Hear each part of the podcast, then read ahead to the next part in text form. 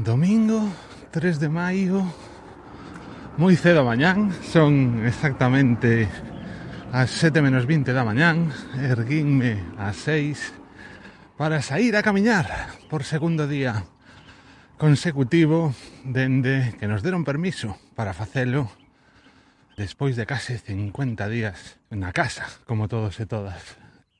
Decidín erguerme tan cedo porque como comentarei no quilómetros gratis, o de onte foi un pouco estresante cara ao final, debido á cantidade de xente que me atopei e a dificultade de poder mm, guardar esa distancia de seguridade de como mínimo un metro. Así que decidín que mellor mm, madrugar un pouquiño máis e evitar todo ese tipo de encontros non desexados coa xente que nos rodea, tempos ben estranos, o que nos to, os que nos toca vivir.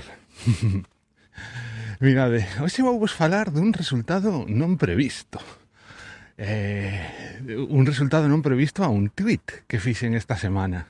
Vou vos contar, estaba na casa vendo o telediario, porque últimamente, despois de moitísimos meses en que o televisor non encendíamos máis que para utilizalo como monitor de streaming como Netflix ou Prime Video ou cousas destas agora sí, estamos a bueno, escoitaredes pasar coches e é que decidín poñerme a gravar xa segundos aí a da casa. Estou aínda pola avenida eh, vou cara ao Paseo do Burgo porque hai tanta xente que, como xa vos teño comentado, dame un pouco de vergoña andar camiñando co micro e o móvil.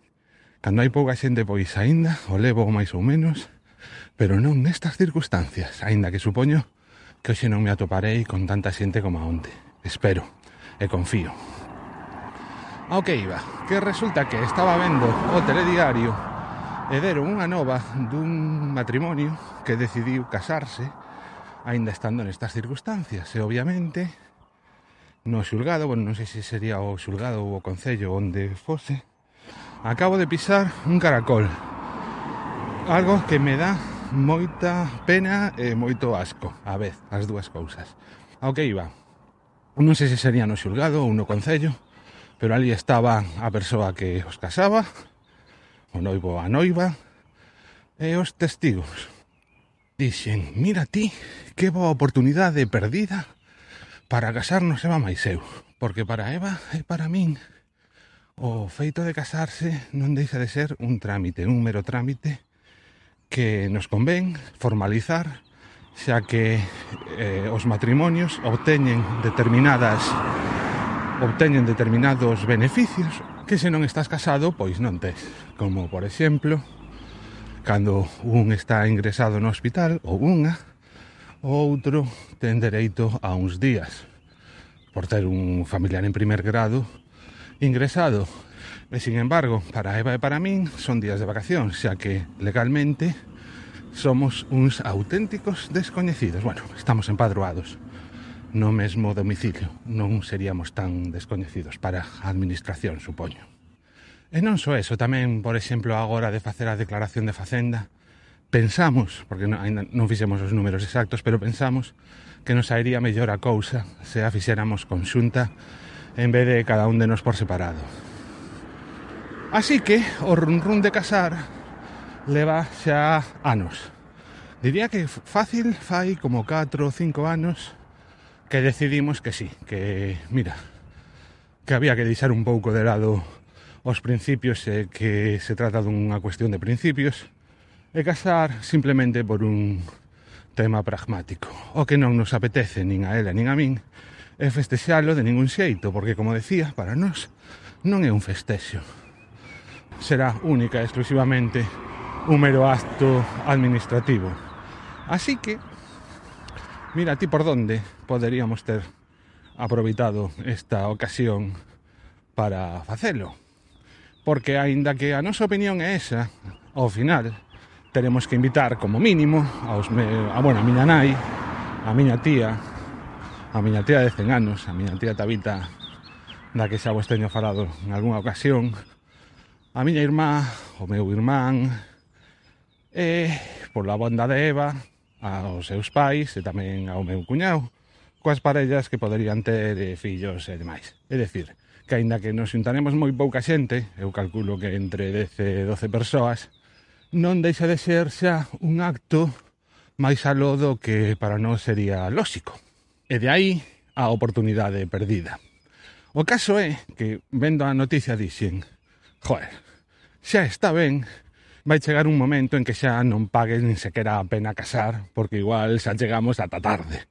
Así que, o que vou facer é poñer isto na aplicación que utilizo eu de, para xestionar as tareas que teño que facer E unha vez anotado aí, pareceume tan mm, divertido ou tan estrano algo que en principio é un para moita xente probablemente un dos eventos máis importantes da súa vida ou casi, non? Planear a boda simplemente polos cartos que se van gastar será un acto moi a pensar e, e dende logo non algo para anotar nunha simple lista de tareas por facer que máis ou menos o que eu apunto, porque é unha miña lista de que te dé por chamala de algún xeito, non poño máis que cousas que teño que facer no traballo ou na área persoal, pero vamos, non se me ocorriría poñer planificar unha viaxe ou cousas desas, non, senón simplemente pois cousas que hai que facer sí ou sí. E máis que nada é para non esquecerme de facelas. Así que para min apuntar casarme nesta aplicación de GTD era algo como, jolín, xa me vale. E, dende ese punto de vista, foi que puxen o tweet. Coa idea de que, de ter algunha resposta, a xente me dixera, pero tío, es ben rariño. E de feito, así por exemplo, o tomou unha resposta que fixo, ou un comentario que fixo a el Charlie Encinas. Pero o resto de xente que interactuou comigo foi encarando a situación de dous xeitos que son moi previsibles, moi previsibles, pero que a min se me pasaran pola cabeza. A primeira reacción foi a de felicitarme. Felicidades, tío, que vas casar. Claro, a min agradezo, por suposto, non que mm, mm tendo en conta o que opinan a maioría da xente, pois claro que é algo para felicitar.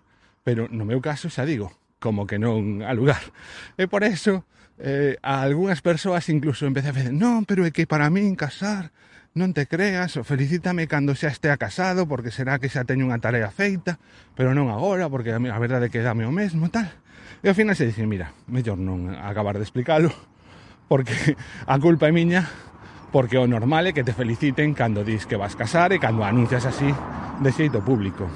E a seguinte, e a segunda reacción, que esta sí que agradezo moitísimo eh, a xente que me dixo pois mira, o, o que tes que facer para casar é pedir estes papéis e despois tes que ir a cun par de testigos a apuntarte a tal e non sei que, bueno e incluso a miña amiga Dumacae fíxome aí porque era está a punto de casar tamén e o ten moi recente así que explicoume así polo miúdo exactamente que era o que tiña que facer. esas mensaxes que me enviou por Telegram, o que fixen foi pegalas no Things para mm, despois pois a convertilo a proxecto mm, a especificar as distintas tareas que hai que cumplir unha a unha, pero a verdade é que tamén despreocupeume un pouco do asunto porque resulta que nestes tempos que vivimos o goberno civil que un dos sitios nos que tens que, que facer unha chea de, bueno, tampouco que sexan tantas cousas, pero vamos, que digamos que a administración principal coa que tes que interaccionar é co goberno civil e se está en suspensión de tarefas administrativas, así que por o de agora non podes facer nada, aínda que queiras. Aí está. Que a ver se por fin me caso, A ver se por fin nos casamos dunha vez, temos ese papel que nos conceda determinados privilexios, e digo privilexios porque dende a nosa posición casi casi os consideramos así. Son dereitos, obviamente, non? Simplemente, é decir, gañan eles pasar polo aro, casar, eh, adquirir ese estatus que para nos non deixa de ser administrativo. Bueno, que xa sabedes por onde vou, que probablemente eh, algún de vos opine como nos do que o matrimonio, Ainda que, por supostísimo, isto algo super persoal, e eu sí que son o primeiro tamén en felicitar a todas aquelas persoas que o deciden. Entendemos perfectamente que os raros neste momento somos Eva máis eu, e algúns máis que opinan como nós, e non vos que vos queredes casar, facendo festa, e celebrando o que vai ser un cambio de vida. Claro, tende en conta que tamén para Eva, para min, pois non vai supoñer absolutamente ningún tipo de cambio máis que esos beneficios. Bueno, que xa me estou enrollando demais para haber retomado este quilómetros de balde. Veña, agora que xa podo sair a camiñar, espero estar de novo con vos, con todos e todas, o próximo lunes. Unha aperta enormísima E recordade, mantede a distancia de seguridade. Non un distanciamento social, senón un distanciamento físico necesario para manter esto do coronavirus no seu sitio. Chao, chao.